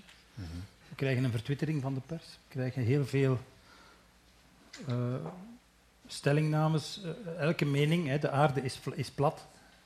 En het recht van vrije meningsuiting gaat nu voorbij het recht op wetenschap. Iedereen mag gelijk wat verkondigen en dat blijkt dan een mening te zijn die gelijkwaardig zou zijn als de andere. Dat begint, daar, daar ontstaat een groot probleem uit. Een soort van, soort van fictieve, agnostische houding van alles, alles kan als je, je, mag, je mag denken wat je wil. Waardoor de wetenschap eigenlijk, de, wat ik noem databased policies, begint te, te, te, verwateren. Er is te weinig duiding en volgens mij werkt een democratie alleen maar als er inzicht is. De pers zou meer duiding moeten geven. Ik, ik, iedereen is dat beu van mij, die boetade, maar inspraak zonder inzicht leidt altijd tot uitspraken zonder uitzicht. En dus mensen in Engeland die voor of tegen de brexit gestemd hebben, die twee stemmen waren fout, want ze wisten niet wat de gevolgen van die keuzes waren. Mm -hmm. Dus ik denk dat we een desinformatieprobleem hebben, een polarisatieprobleem. En het grootste probleem zit eigenlijk heel diep. En ik, ik ga mij een beetje aan de filosofie wagen. Ik heb een baccalaureaat filosofie. Lang geleden, veel te lang geleden, dus sorry als ik stommiteiten zeg. Maar het gekke is dat, dat wij last hebben ah, van antropocentrisme, een soort van hoogmoed, menselijke hubris, dat we eigenlijk onze eigen plek niet kennen en, en, en veel te veel rechten toekennen. Dat we onszelf een beetje de, de hoogste levensvorm van, van het universum vinden en dan alle andere leven aan ons onderwerpen. En elke dominante soort doet dat. Elke soort dinosaurus die iedereen kan opeten, zal dat ook doen en dan daarna zelf uitsterft. Maar een dominante soort met hersenen, die zou toch moeten weten dat ze dan zelfmoord pleegt. Dus dat snap ik al niet. En een, een filosofisch laagje daaronder zit veel dieper in. Dat is dat wij door het uitvinden van het concept geest materie hebben gedevalueerd. We hebben eigenlijk het hele universum uiteengelegd in, in materie en geest, lichaam en ziel, aarde en hemel. En wat we waardevol vinden is elders. Het bestaan ervan is niet bewezen en is onzichtbaar. En de aarde, de materie, is een zak knikkers die op elkaar cirkelen. Het lichaam is een biefstuk. En als dat lichaam denkt, gedichten schrijft en kan zeggen ik zie je graag, dan ontkennen wij het recht aan die materie om zo mooie dingen te kunnen doen. We zeggen dat kan niet. Dat materie zo mooi, dat, dat moet een ziel zijn, iets fictief. Een soort googly-moogly die van ergens onzichtbaar komt en die daarna terug wegzweeft. En dan is dat, dat, dat, dat lichaam terug een dode biefstuk. Wij onderschatten eigenlijk de capaciteit van materie in het schrijven van gedichten. En daardoor mishandelen we die materie constant als een soort van supermarkt, als een verdienmodel. Als natuur een investeringsproduct is, als grond geen common is, geen recht van de, van de maatschappij, dan, dan, dan is, is bij voorbaat het spel verloren, denk ik. Is dat een typisch westers fenomeen, denkt u? Ik weet niet of het Westen nog bestaat vandaag. Natuurlijk zijn er, zijn er de, de Indianen geweest in Noord-Amerika die zeggen wij zijn allemaal met alle andere soorten samen te gast in deze tuin die ons allemaal heeft geschapen en heeft gevoed. De aarde is onze moeder. Als je een beer schiet, dan moet je alles van die beer gebruiken. Zijn bond, zijn nagels, zijn pezen, zijn darm, alles, alles moet... Om, om, om die dood van dat andere levend wezen te eren, mag je niks weggooien. En dus tegen konijnenbond zijn en dan kunstbond dragen, wat eigenlijk een petroleumderivaat is, dat vind ik nogal oneerbiedig tegenover dat dood konijn. Dat je dat dan niet helemaal gebruikt hebt. Goed. Ik, eh, het, het, klopt natuurlijk dat het hier niet alleen voor Vlaanderen gaat, maar toch zegt u in die documentaire van Nick Balthazar dat Vlaanderen een aantal Europese records heeft. Ja. En van waar komt dat dan? Welk beleid en waarom hier? Daar zijn twee redenen voor. We hebben een, een wat men noemt een orohydrografische fragmentatie, die te maken heeft met het feit dat we samen met Nederland deel uitmaken van de, de, de Schelde, de Maas en de Rijn-delta. Mm -hmm. Dus die drie rivieren vallen quasi stil. De kust lag vroeger 200, 300 kilometer vroeger. Die hebben hun eigen sedimentsvlakte gemaakt en dan beginnen die daarin te meanderen en te splitsen. Mm -hmm. En dan krijg je de leien en de lieven en de dender en de neten en de geten en de ruppel en, de, en, en, en, en, en dat, honderden van die dingen met een watermolen en een hoeve en een, een, een beetje vlas en textielindustrie enzovoort en polders. En we krijgen dus een, een soort van versnippering van een agrarische gemeenschap in de Maas-Gelderijn-delta. Dat was de eerste fragmentatiegraad die puur geografische oorzaken heeft en die te maken heeft met nog de, het ontstaan van de vooral op, op rurale activiteit gebaseerde samenleving in West-Europa. En dan komt de paus, Leo XIII, een naamgenoot van mij. Rerum Novarum, de encycliek. En een beetje de strijd tussen de, de socialisten en de katholieken in, in welk woonmodel we gaan, we gaan uh, uitrollen in deze maatschappij. De socialisten waren bezig met tuinwijken in of langs de steden met, met betaalbaar wonen. En met, met het opkomen van een collectieve visie op, op grond en grondbezit. En, en toen heeft uh, Leo XIII Rerum Novarum geschreven. Hij staat op internet in de Nederlandse vertaling. Het is een, een vastgoedkanon waar je schrik van krijgt. Daar staat in... Het socialistisch model van collectivisering van bodem is verwerpelijk. De mens is het enig levend wezen begiftigd met of begenadigd met intelligentie. Wat al niet waar is. Hè. Sommige primaten kunnen spreken met een 600-tal pictogrammen. En vermits de mens deze, de, van God deze begenadigde status gekregen heeft, komt aan de mens niet alleen de vruchten der aarde toe, maar ook het bezit van de aarde zelf. In casu privaat grondbezit. Ook aan de arbeidersklasse, die dan bij voorkeur niet in de zondige stad woont, maar in het buitengebied. Dus de, de socialisten en de katholieken hebben dan 200 jaar lang grondbezit in de electorale etalage gesmeten in Vlaanderen. En dan heb je dus de, de woonwijken van de socialisten in en rond de steden. En dan heb je de wet op de kleine landeigendom, die vanuit de katholieke politieke lagen samen met de Boerenbond grondbezit in het buitengebied subsidieerde. Er is zelfs een tijd geweest met het Seinskiesrecht, dat enkel mannelijk stemrecht, dat een man van een gezin dat geld spaarde bij het gemeentekrediet voor de verwerving van een grond in het buitengebied, naar gelang de grootte van het spaargeld één, twee of drie stemmen kreeg. Dus zelfs je politieke emancipatie was gekoppeld aan je verkavelingsgraad, bij wijze van spreken. En, en daardoor is, is, is die oorlog heel lang verder gegaan en dan beginnen de steden te vervuilen. Open riolen, rook, smog, houtskool, fabrieken. Iedereen met geld ging weg. Ging op, het buiten, op de buiten wonen. Dat werd dan door de buurtspoorwegen werd die mobiliteit gesubsidieerd. Dan komt de salariswagen, de betaalbare wagen vanaf de jaren 60. En dus krijg je, zolang de aarde niet te klein is en de natuur nog niet doodgaat, met goede bedoelingen, gezond wonen dicht bij de natuur. En als je dat dan begint te doen met, met ocharme 11 miljoen en half Belgen of 6 miljoen Vlamingen. Londen is 12 miljoen en half mensen. Dus met één stad hebben wij een heel land volgesmost. En met het spelletje, we gaan eerst zo ver mogelijk van elkaar wonen en dan proberen we op ons werk te geraken. En dus hebben wij die wereldrecords allemaal, van wereldrecord aan uren file per werknemer, wereldrecord aan kilometer weg per wooneenheid enzovoort. Okay, goed. We hebben nog een paar minuten, dacht ik. Uh... Sorry dat ik zoveel zeg, maar ja. die data zijn zo belangrijk. Ik ga u nog één vraag stellen. Uh, ik zal u eerst benoemen tot Leo de XIV. en ik vraag u om een encycliek te schrijven waar u de kwantitatieve groei veroordeelt en de kwalitatieve groei ja, promoot. U heeft vijf minuten. Go. Um, ons huidige economisch model, want u legt heel terecht de vinger op de juiste wonde, de grootste wonde. Ons groeimodel is vooral een marktmodel. Het kapitalisme is een meedogenloze machine die alles inzet op rendementsvermeerdering van de aandeelhouders. En als we allemaal aandeelhouder zouden zijn, gaat dat nog, dan is er een collectief voordeel. Maar het aantal mensen, 1% van de mensheid heeft 50% van alle aandelen in handen. Dus er is een soort van ongelijkheidsmachine die in dat geconcentreerd aandeelhouderschap zit. En als je dan zegt, economische groei is de toename, de eeuwigdurend mogelijke toename van de omzet van goederen en diensten, dat kan alleen maar, want dat heeft altijd een impact op je ruimte, als de aarde ook oneindig groot is. Binnen een eindig ruimtelijk systeem is een groei van, van een vector in dat systeem, die altijd ruimtelijke noden en een ruimtelijke impact heeft, kan niet onbegrensd zijn. Het aantal mensen in deze zaal kan niet oneindig toenemen als deze zaal niet oneindig is. Of het wordt hier echt niet gezellig. Dus dat is een eerste banaal feit waar je zelfs geen verbeelding voor nodig hebt. Dat voelt je aan uw water, bij wijze van spreken.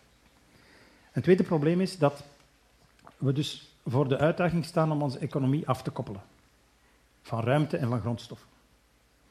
En Thomas Rauw heeft daar een interessant boek over geschreven waarin hij zegt je moet eigenlijk stoppen met boormachines verkopen, je moet gaatjes in de muur verkopen. Want je eigen boormachine thuis, als je geen metser of timmerman bent, dat draait maar acht minuten op, op, op tien jaar. Af en toe is een kaderken aan de muur, twee keer per jaar.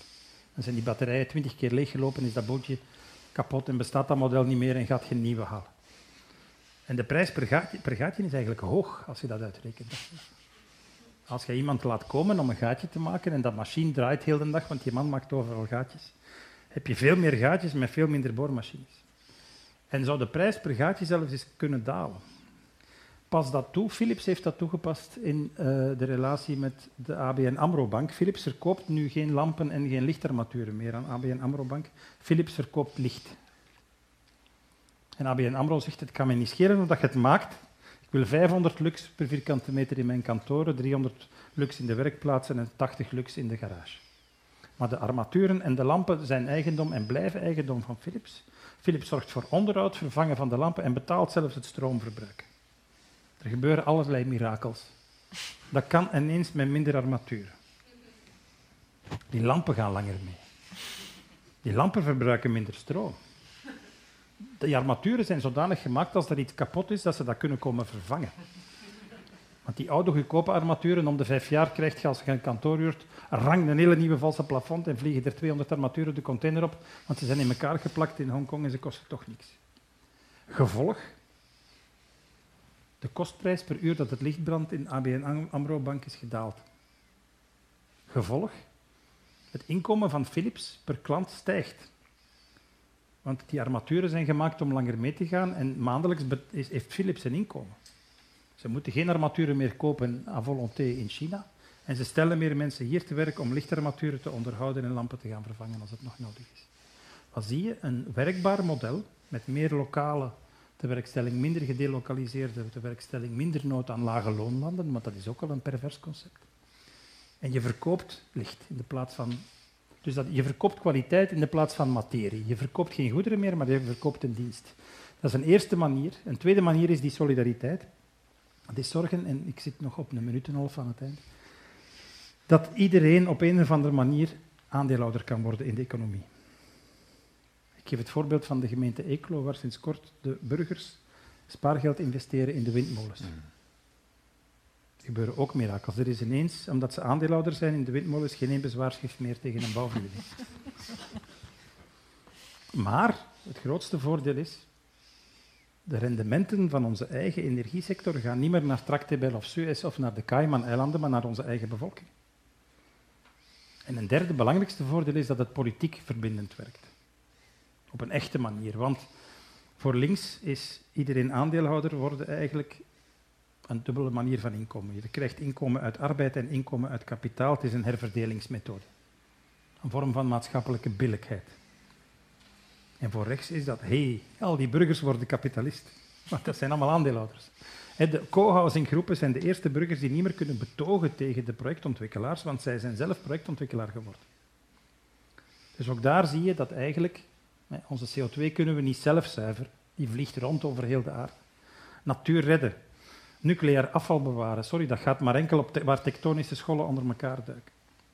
En als wij nog heel lang medische beeldvorming, scanners en radiotherapie tegen kanker willen, zullen we nog eeuwen aan een stuk nucleair afval moeten bergen. Los van elektrische centrales of kerncentrales. Dus je moet daar allemaal niet zo bang voor zijn. Maar dat gaat alleen maar waar tektonische schollen onder elkaar duiken. Dat zijn maar een paar landen. En die zeggen, ja, maar wij willen, willen niet het afval van alle andere landen bergen. Het zal moeten. Het is solidariteit. Was dat helder? Ik vond dat helder en uh, positief, hoopvol. Dus ik denk dat wij het woord van Leo XIV moeten gaan verspreiden. Uh, ik dank u. Graag gedaan.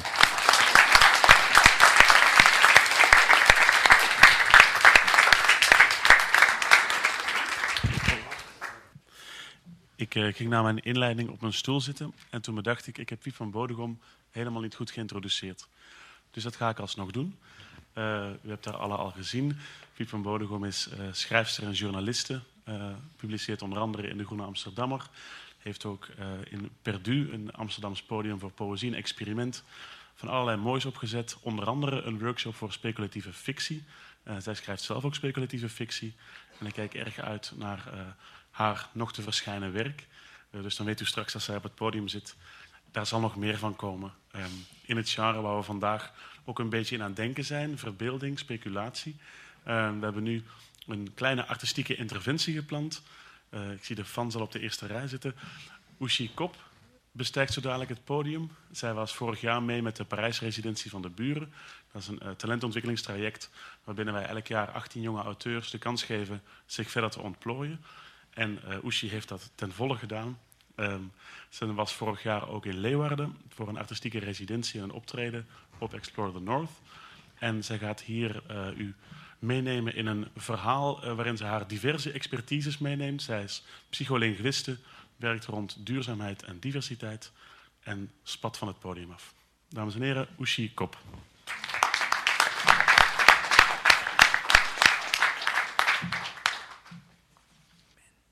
Gewoon een wandeling. Ze voelt het branden. Hier. In dat plekje net onder haar linkeroksel. Het omslagpunt. Ze hoort het in de brullende motoren van het vliegtuig dat tergend laag, als om haar hoofd te kussen, de stad overvliegt.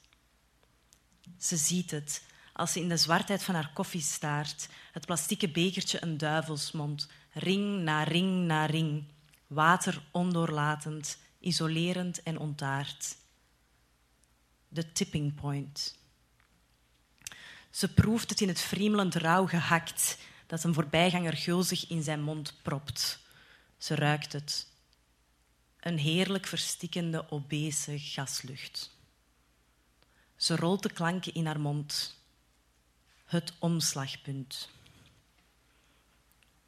Het beweegt, maar het beweegt onzichtbaar, als een kruipland, te sluw en te traag voor onze hersenen, die geprogrammeerd op pixels, kilobytes en 5G geen traagheid meer verdragen. En de graaiende wortels overwoekeren, even meedogenloos als de mens, maar slimmer. Het gebeurt teder, zodat niemand reageert wanneer al die exponentiële groei onze holte vult en heel zachtjes onze organen streelt. Tot door al dat gewrijf het geen organen meer zijn, nee. Verheven van uw functie wordt het reliquieën, herinneringen aan de mens. fout. Ze heeft het compleet fout, dat weet ze wel. Het omslagpunt staat stokstil. Dat staat het al eeuwen. Het is al de rest die beweegt, de hele planeet, oceanen, polen, permafrost, alle niet uitgestorven diersoorten, waaronder de mens. En die rest roert zich razendsnel, woesh, woesh, naar het tipping point toe, alsof het een doel op zich is. Kop in het zand, zout aan de lippen, alsof we allemaal kapot moeten.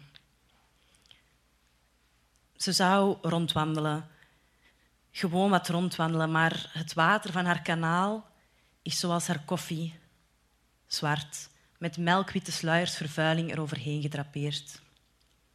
Twee eenden, mannetje, vrouwtje, woelen een drijvend afvaleiland om. Ze happen snavels vol water en laten het smakken terug uit hun bek lopen. Idyllisch. Bijna. Twee gele poten steken tussen het afval omhoog. Ze drinken dode eenden thee. Een infusie als signaal. Help. Gewoon rondwandelen bestaat niet, denkt ze. En we kunnen er niets aan doen, dat denkt ze ook. Het vervelende van gedachten, ze verspreiden zich. Zijn we wel zo weerloos als we zelf willen zijn? Kunnen we onze armen niet uitsteken? Onze handen diep in de modder van de rivierbedding verankeren, de stenen op de kanaalbodem vastgrijpen om onszelf tegen te houden. Raad vragen aan de fossielen, aan de dodo's en de dino's, aan alles wat ons voorafging naar het einde. Wat als we met z'n allen spieren kweken? Wat als we de kracht vinden om heel geduldig stil te blijven wachten? Niet teruggaan, nee, dat zou veel te veel gevraagd zijn. Maar even wachten. Tot we allemaal als broze waterplanten trillend hangen in het modderige water dat opgeroerd van al dat grijpen langs vloeit. De oorstokjes, algen en plastieke flesjes, het gif en de nylon visnetten, die laten we passeren. Sereen. Onze kruinen als lelies op het water.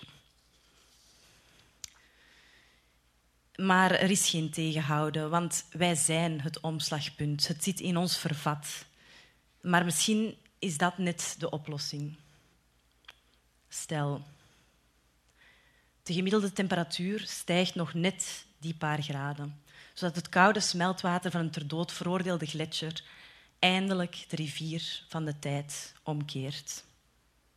Zo sterk zou de stroming zijn dat onze vingers zich vastklammend aan boomwortels, riet en roestende ijzerplaten los zouden worden gerukt en het water met alles wat zich erin bevindt terugstroomt naar de bron. Terug naar het begin, voor we deze aardbol overgoten met beton, voor we blind werden, voor onze voetafdruk onze ziel vertrapte. Kleine kans, dat denkt ze nog wanneer de deur achter haar dichtvalt en ze het asfalt van haar te grote schoenen pelt.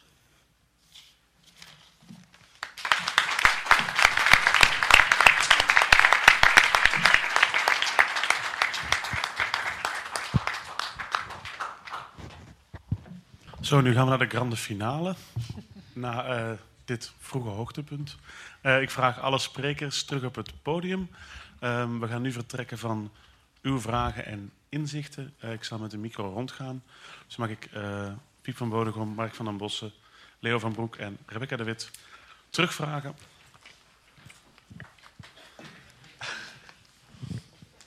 En als u geen vragen heeft, hebben zij vermoedelijk nog voldoende antwoorden. Oké, okay. wie durft? Oh, er zijn er al twee daarachter. Oh, er zijn twee microfoons. Oké. Okay. Ja, dankjewel. Um, heb een vraag, ik denk vooral voor Leo van den Broek, um, maar misschien ook wel voor de anderen. Um, die link tussen uh, ecologische uh, beslissingen en, en, en bedoel, je zei het al, hè, die, moet, die omwenteling moet so, so, sociaal zijn, moet solidair zijn. Maar sparen hè, doe je als je geld hebt. Hè. Zou je daar nog wat dieper op kunnen ingaan? Op, op, en misschien zelfs minder de oplossingen dan wel de gigantische problemen uh, die gelinkt zijn aan ja, hoe zo'n ecologische beweging dan de allerarmsten ook kan helpen of meenemen. Uh, ja. Um,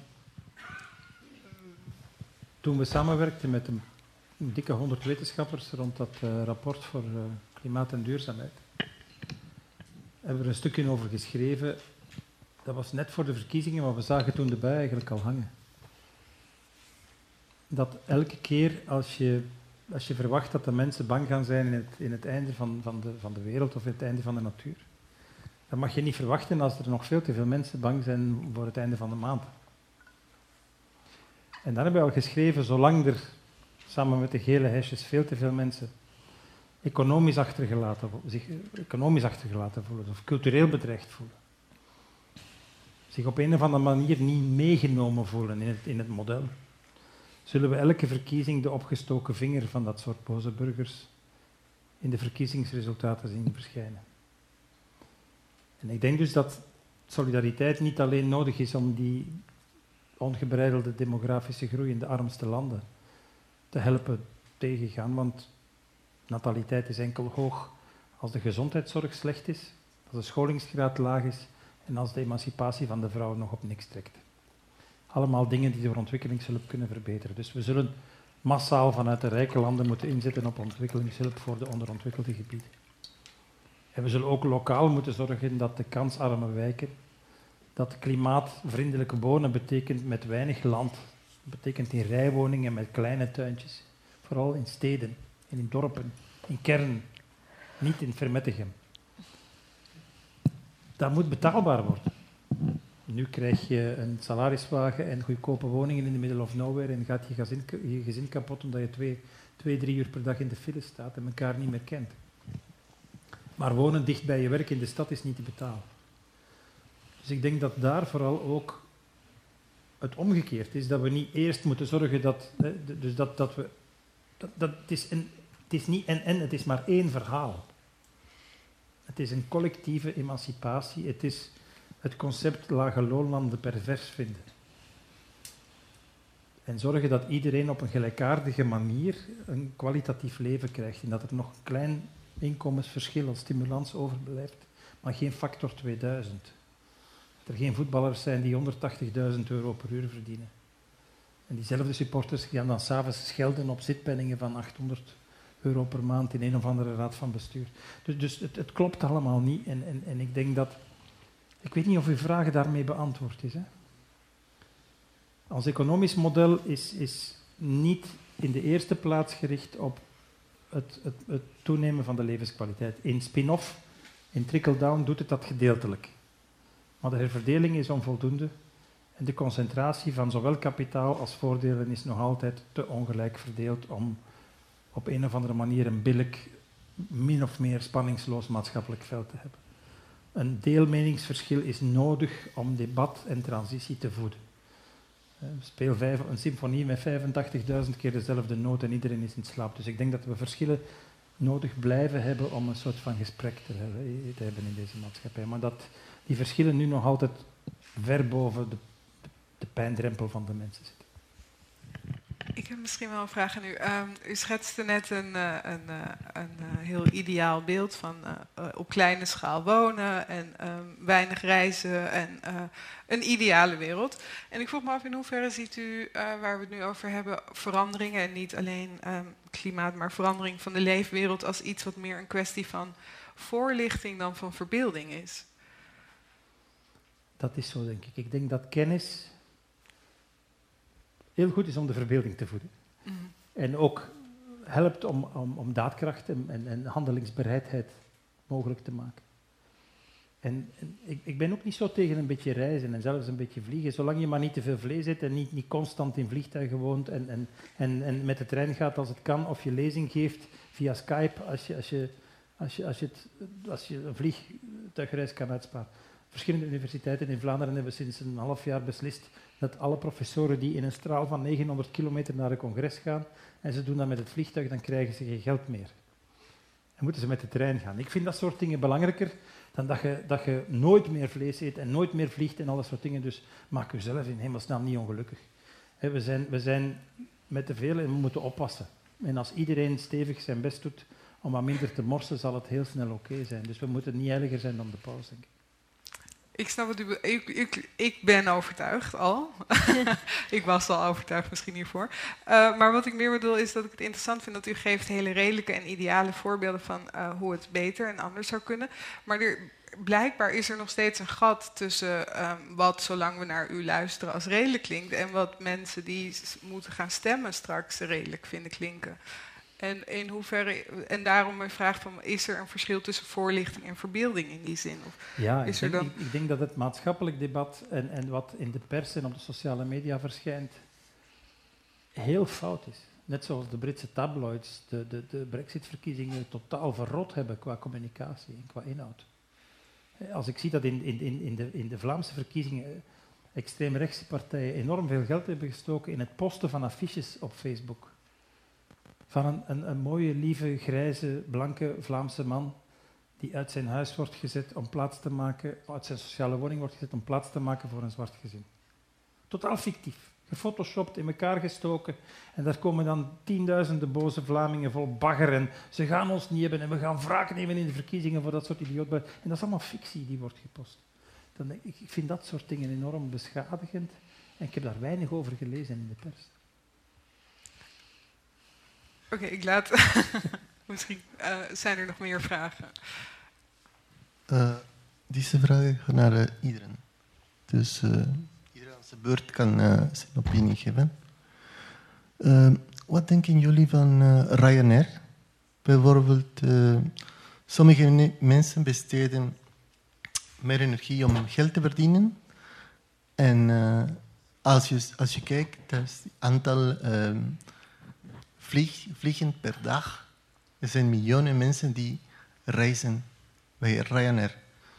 Dan is het goedkoper, maar aan de andere kant er zijn veel mensen die uh, rijk worden. Wat denken jullie van uh, qua klimaat? Rebecca, misschien wil je iets over vliegschaamte zeggen. Dat is eerder toe sprake gekomen. Uh, ik begrijp de vraag niet, geloof ik.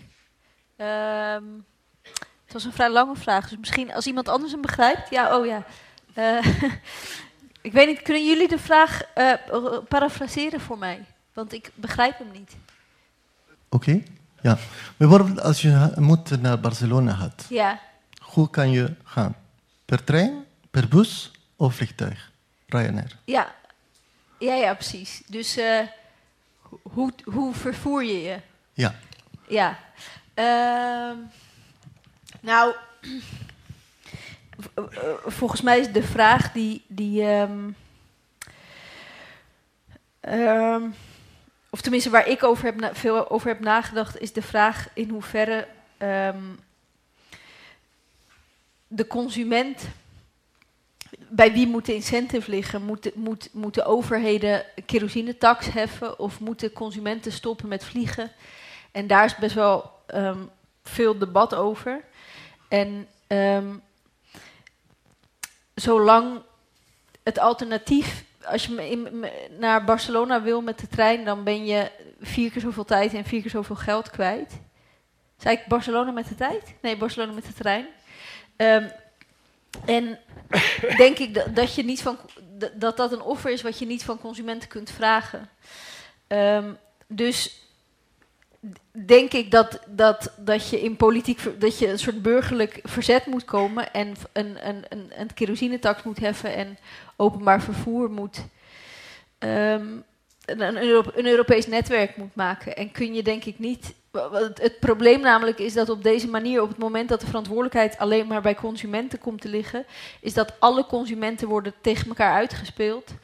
En alle politieke energie die er is, wordt besteed aan het lezen van verpakkingen en elkaar de maat nemen. En ontstaan er ongezellige kerstdiners. Dus ik denk dat de vraag niet moet zijn, dat de vraag niet voortdurend op het individu en je eigen consumptiegedrag, um, dat dat klimaatprobleem niet, want daar komt het vaak op neer, uh, terugkomt naar dat ik. En de overheid heeft er inderdaad, wat jij ook al zei, in Nederland veel um, campagne voor gevoerd. Een beter milieu begint bij jezelf. En ik zie voortdurend boekjes en tijdschriften om me heen waarin staat: wat kan jij doen tegen klimaatverandering?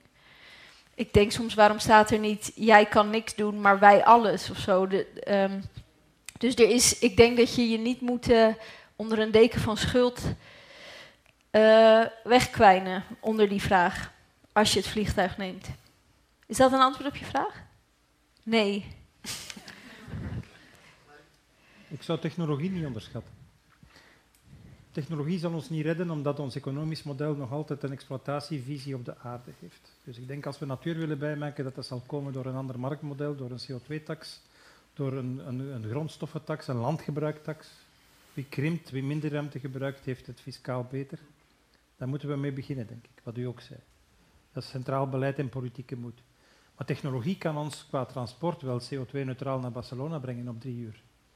En de Hyperloop is die vacuümbuis die we onder de grond of op de grond zetten op, op statiefjes, stevige statieven. En dat is een buis met lage luchtdruk, waar een soort zetpil op een magnetische rij tegen 1400 per uur naar Barcelona gaat, quasi wrijvingsloos, omdat er geen lucht als tegenwind in die buis zit.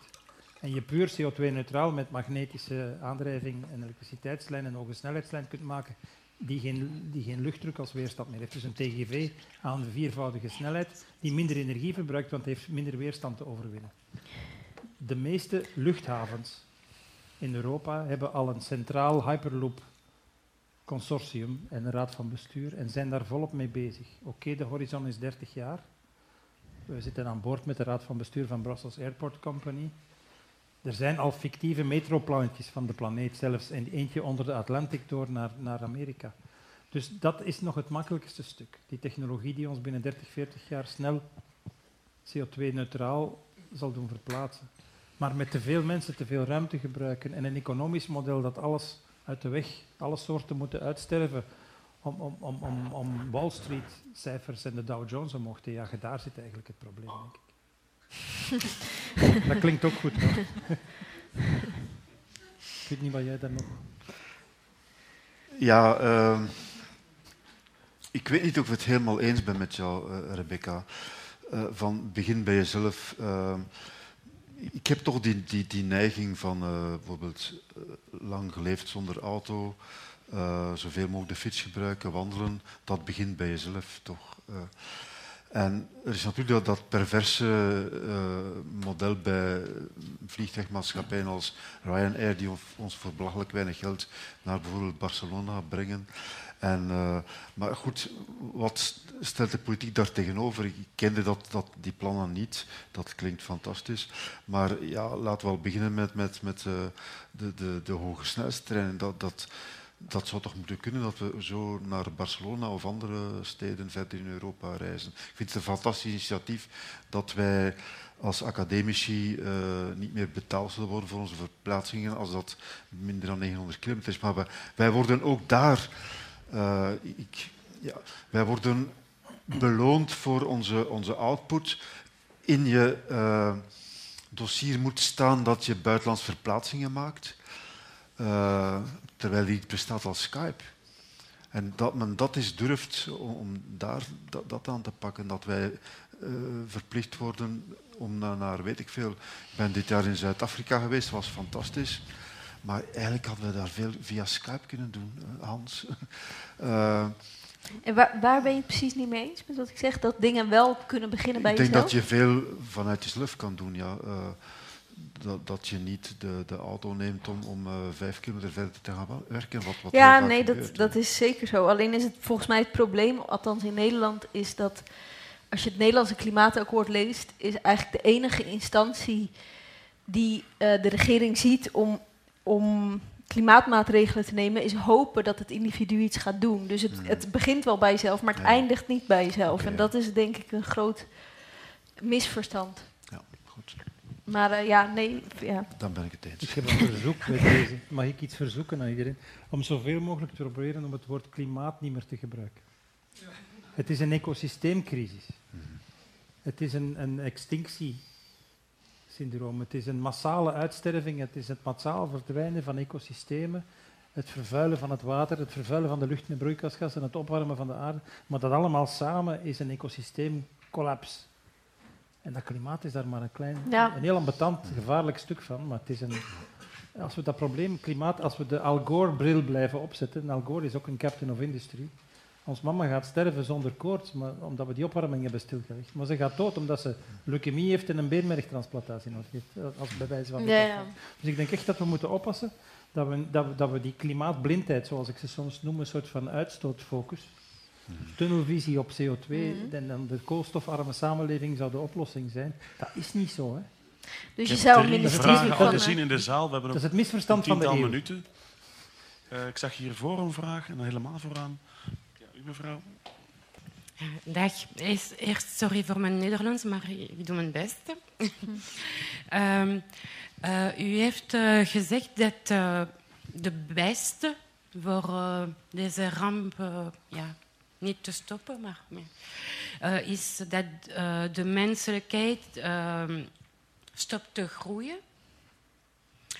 En ehm, ja, is dat niet een beetje de schuld geven aan mensen, in, eh, niet in de westerse landen, maar in de andere landen, die veel kinderen hebben en die nooit die, die, die, zijn, die de oorzaak van de problemen niet zijn? Nee, het is net de schuld leggen bij het rijke Westen dat die landen arm heeft gehouden. Als die landen gelijk met ons ontwikkeld waren, dan hadden we daar nu geen hoge geboortecijfers meer. Dat is geen cultuurverschil. Alle culturen die voldoende scholingsgraad, gezondheidszorg en emancipatie hebben, beginnen te dalen. Die zien dat de boel vol is en die beginnen te beseffen dat wij zelfsturend kunnen optreden als we qua opleiding die zelfkritiek kunnen ontwikkelen. Dus ik denk dat het niet zozeer een recht is om nog te doen wat wij gedaan hebben. De babyboom moet daar nog komen. Maar die babyboom komt daar niet zoals bij ons in de golden 60s vanwege een materieel succes. Die komt daar vanwege het feit dat je zes kinderen moet maken om er drie jaar later nog, nog twee over te houden. Als in Congo tegen dat kindjes vijf jaar oud zijn, is de helft gestorven. De levensverwachting in Congo vandaag is 45 jaar. Dat is lager dan in het toenmalige Romeinse Rijk. Dus ik denk dat het niet zo is dat we die mensen nog iets moeten gunnen. Ze zijn kapot, ze zitten op Congo. Ik ben daar geweest net na de oorlog. Dat land is kapot geschoten. Ik heb daar meisjes van 19 jaar in afgelegen dorpen in de jungle gezien waar nog geen drinkbaar water was.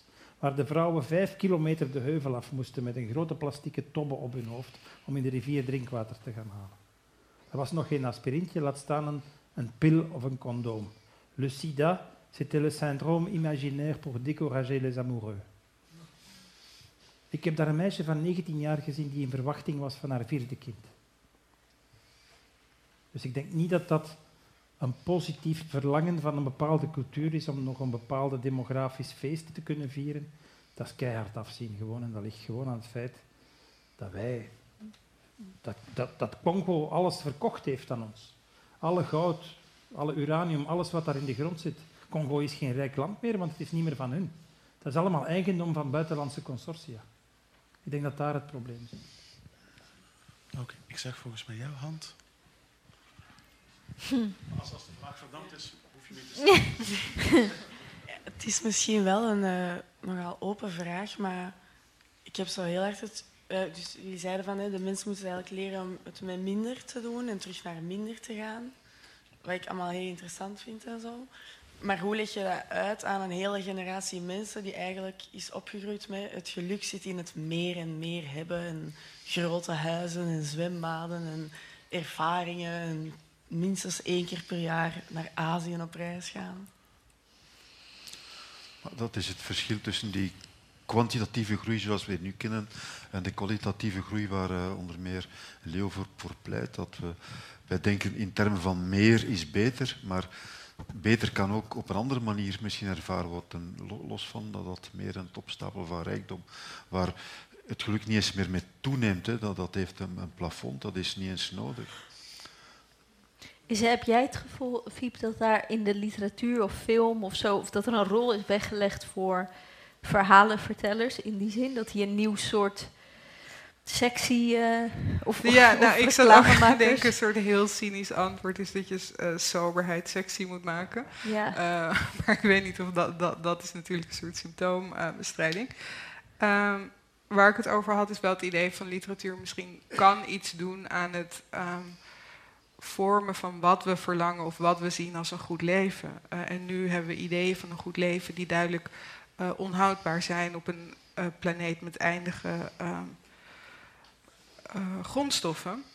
Dus op zich zou, zou ik, ik bedoel, ik, als ik het wist, zou ik dat boek meteen schrijven. Maar um, ik weet niet hoe dat zou zijn, of het in vorm is of op andere manieren. Bijvoorbeeld, jij had in een eerdere versie van je stuk van waarom hebben we niet um, zo'n soort klimaatverhaal als een, als een Marvel uh, blockbuster. Zo'n soort film die niet gaat over. Um, macht en uh, overheersing uh, en een soort recht van het sterkste, ook al is het met een moreel sausje over, overladen, maar waarin we een vorm hebben um, die, nou, verkopen is niet het juiste woord, maar ik wil ook niet een moralistisch woord gebruiken, maar die ons een verlangen toont of een optie toont waarin um, wat je zou willen zijn, waar je aan zou willen spiegelen, wat je idee zou kunnen zijn van een goed leven, dus niet een idee is van meer of groter of overheersing. En dit is heel ruim, maar ik denk dat het mogelijk is, ja. En daar reclamefilmpjes bij. Ja. Een sexy scène in een treincoupé. De, na de nachttrein naar Barcelona, de reis van je leven. Die, die films zijn toch, al gemaakt. Ja, Before dus het, het hoeft niet altijd minder leuk te zijn. Ik denk dat heel veel van die dingen kunnen verkocht worden als plezanter. Co-housing groepen leggen met 15 gezinnen samen om een zwembad te hebben dat ze elk apart niet hadden kunnen betalen als ze in een verkaveling met twee uur fillen aan hun broek zouden zijn gaan wonen, op zoek naar een geluk dat ze niet meer gaan vinden. Dus ik weet niet of het naar minder is. Het is naar beter dat we moeten gaan. Maar is dit een soort repackaging van de commune? Of, Nee, of, omdat in een co-housing heb je niet alleen dreadlocks en patchouli, hè, daar heb je ook gewoon normale mensen met privacy in een normale woning. Die delen gewoon dingen die ze Die alleen anders kunnen ruiken. betalen. Um, in mijn discussies die ik vaak heb, kom, kom ik vaak tot de conclusie uh, om duurzaam iets te doen aan de problematiek. Uh, dat ik ergens vastraak. We zitten in een geglobaliseerde economie. Uh, vaak wordt er naar politiek gekeken om een antwoord te bieden voor een nieuw systeem, voor vanuit de grond weer iets nieuws te doen. Maar we hebben geen geglobaliseerde politiek ben ik mij ergens op aan het blind staren. Want ik word er heel depressief van. En ik ben aan het denken van, zijn er toch ergens oplossingen mogelijk? Het is helemaal geen toeval dat Trump tegen globaal denken en globaal besturen is. Hè. Dat hij de, de UN aan het uitkleden is en de dotaties aan de UN wil verminderen, dat hij zich terugtrekt uit het klimaatakkoord. Solidair denken op planetaire schaal is de enige oplossing. Dat na elke wereldoorlog heeft de mensheid onmiddellijk gezegd we hebben een wereldregering nodig. Want als we dat niet doen, beginnen we ons toch opnieuw te misdragen en zitten we binnen een paar decennia in een wij tegen zij verhaal. Dus uw verhaal is de nagel op de kop. Uw vraag. misschien nog een laatste vraag? Daar straks is aan meneer Van Broek eh, de vraag voorgelegd: moeten we gaan voor eh, meer informatie of eh, toch meer verbeelding? En hij ging voor eh, informatie. Ik vraag me af of dat, dat eigenlijk wel helemaal juist is. We hebben de afgelopen jaren enorm veel, een, een exponentiële stijging gezien van het aantal artikelen, informatieprogramma's over klimaat. En toch zie je, als je de enquêtes ziet, die eh, natuurlijk met een korreltje zout moeten genomen worden, dat het aandeel van mensen dat sceptisch is, vragen stelt bij de menselijke invloed eh, op de klimaatverandering, dat zelfs klimaatontkenner is, dat dat eigenlijk zeer hoog blijft. En ik vraag me af of dat het probleem eigenlijk niet elders ligt. En ik, ik wil dan even eh, één zin citeren uit een eh, opiniestuk dat in de morgen verschenen is eh, in de aanloop naar de verkiezingen. En dat betreft eh, het uitstekende pleidooi dat u, eh, meneer Van Broek, eh, gedaan hebt om meer geconcentreerd te gaan wonen, die betonstop in te voeren en dergelijke. En eh, dus de journalist die schrijft... Te makkelijk liet Van Broek zichzelf framen als contraproductief toppunt van groen moralisme. Bij elk publiekelijk optreden van de bouwmeester leek er bij groen ehm, alweer een procentpunt eh, stemmen in rook op te gaan. Ehm, is dat eigenlijk niet juist? En dat is jouw verantwoordelijkheid niet. Is het niet zo dat eh, precies de traditionele conservatieve partijen erin geslaagd zijn om uh, de brede massa het idee te geven dat een systemische verandering, het stoppen van de klimaatverandering, eigenlijk gaat betekenen dat die mensen heel veel geld gaan moeten betalen. En eigenlijk hebben ze gelijk. Denk aan uh, Macron-gate, waar dat... Uh, een, een, een dieseltax is voorgesteld, waarvan dan bleek dat die eigenlijk diende om de staatskas te spijzen. Mensen hebben het gevoel dat zij zelf zullen moeten opdraaien voor heel wat uh, problemen, terwijl dat uh, diegenen die bovenaan staan, diegenen die met privéjets uh, rondvliegen, die verantwoordelijk zijn voor de massa van de vluchten, dat die er eigenlijk mee wegkomen. En is dan... We gaan de avond stilaan afronden, dus ik ga meneer Van Broek willen vragen om nog te antwoorden. Daarna zal ik veel mensen moeten teleurstellen, want we zetten het debat bij de buren altijd voort bij de bar. Ik zie veel nieuwe gezichten, u weet dat misschien niet. U krijgt straks een gratis drankje aangeboden aan de bar. Misschien blijven enkele sprekers wel hangen. Um, ik zou nu vragen aan heer Van Broek om te antwoorden en dan mogen Fiep en Mark de avond definitief afsluiten. vraag stellen? U heeft uw vraag gesteld, geloof ik. U heeft meerdere stellingen geponeerd ja. waarop meneer Van Broek kan antwoorden. Ik wou, ik wou eigenlijk alleen maar vragen, is het niet nodig dat jullie als experts een oproep doen aan sociale organisaties, partijen, om samen een programma uit te werken dat wervend is, geloofwaardig, dus op verbeelding inspeelt. En dat zou misschien veel gemakkelijker die massa kunnen bereiken, terwijl dat een expertendiscours, dat, dat zeer goed is, eigenlijk uh, weinig, uh, weinig in, ons, pakt. In ons duurzaamheidsrapport hebben we gepleit voor die reclames. Hè. Reclame voor de nachttijn, wervend spreken over de verandering. Ons, ons rapport eindigt met alle transities gaan geld opbrengen. Letterlijk. En uw vraag is een perfect voorbeeld van het misverstand dat ontstaat als je het enkel over klimaat hebt. Want dat zijn prognoses. En dan zegt Jan Modaal, ja, maar mijn opa was een verstokte roker en die is 95 geworden. Dus statistiek is voor mensen veel te abstract. Ik kom met cijfers af van 19 jaar geleden, toen al nog maar 3% van de biomassa uh, in de natuur zat en al de rest waren wij en onze varkens en koeien. Dat zijn objectieve cijfers, dat zijn geen prognoses. Dat zijn dingen die nog niks met die opwarming te maken hebben, maar die er wel aan gerelateerd zijn. En alles wat wij in die duurzaamheidsrapporten hebben gezegd is, zolang je aan klimaat begint, ga je heel dure Tesla's kopen en overal PV-panelen zetten en de mensen gigantisch op kosten jagen en dat via taxen vooral bij de armsten gaan halen. Dat is inderdaad fout. En dat is vooral het discours van Al Gore. Dat is voor een stuk een juist discours als een onderdeel van een bredere transitie die vooral met herverdeling te maken heeft. Vergeet bijvoorbeeld niet, onze files kosten dit land 30 miljard aan zijn economie. De salariswagens kosten de overheid 4 miljard. Als wij beginnen te verhuizen, is ons openbaar vervoer niet meer, niet meer in faling, begint de lijn te presteren, hebben wij minder files. Dat brengt alleen maar geld op. Alle rekenmodellen, de studies die wij besteld hebben bij het FITO over de kost van het verspreid wonen, tonen aan dat de overheid alleen al aan het herleggen van woonlocaties binnen de 20 jaar jaarlijks nog eens bovenop de economische verliezen 2 miljard per jaar opbrengt. Ons landbouwmodel eist 50% van het land op. En door overbemesting en, en, en, dalende voedselprijzen die door de distributiesector genegocieerd worden, stelt de landbouw nog maar 0,4% voor van ons bruto binnenlands product. Dat is economisch waardeloos geworden.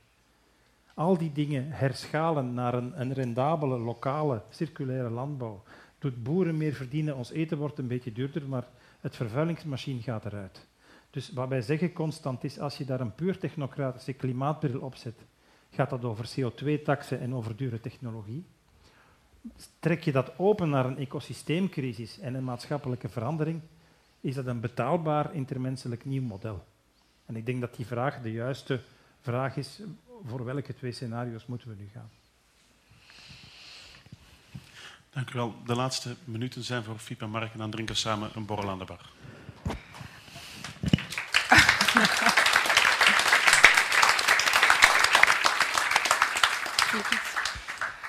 Ja, ik denk dat er genoeg gezegd is om nog weken op te kouwen en uit te pakken. Uh, en te veel om in één uh, mooie zin met strik af te sluiten. Maar toch, um, we hebben het heel veel gehad over verbeelding en uh, informatie en je informeren en hoe, hoe, deze informatie in praktijk te brengen. Een van de dingen waar we het niet over hebben gehad is dat er ook nog altijd activisme is. en ook dat tot op zekere hoogte effectief is gebleken. Dus um, als je geen zin hebt in lezen, uh, kun je je daarin inlezen en aansluiten. Er zijn heel veel vormen en meer vormen dan we besproken hebben. En hopelijk um, is die paradigmawisseling uh, al bezig, zoals Rebecca zei in haar uh, stuk. En moeten we het herkennen. Maar we moeten er wel actief aan werken natuurlijk. Dank u wel.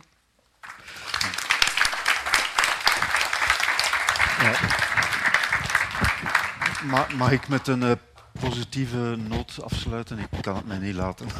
Uh, ik, het feit dat wij hier zijn vanavond, het feit dat uh, er veel wordt gesproken dat woord dat we niet meer mogen gebruiken, en ik begrijp dat zeer goed, over de ecocrisis, de ecosysteemcrisis.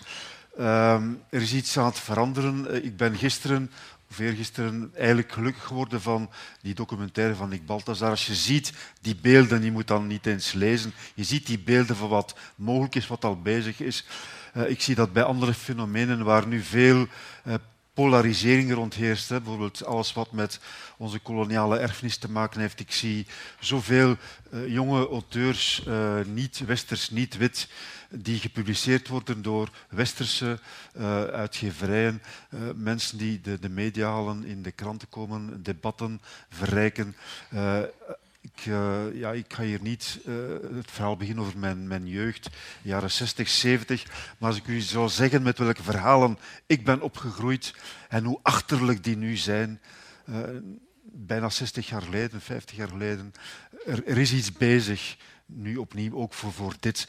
En ik weet niet wat jullie allemaal doen. Ik zie een aantal studenten, beste mensen. Dat verhaal moeten wij gewoon verspreiden. En door dat verhaal te verspreiden, dat is kennis, maar die kennis gaat andere verbeeldingen voeden. En dat is de weg die wij moeten gaan.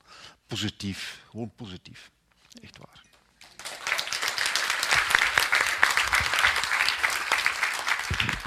Je luisterde naar een podcast van De Buren het Vlaams-Nederlands Huis voor Cultuur en Debat. Benieuwd naar ons literaire aanbod? Luister dan ook naar radioboeken, citybooks en andere audioverhalen. Ontdek ons podiumprogramma en al onze digitale producties op www.deburen.eu.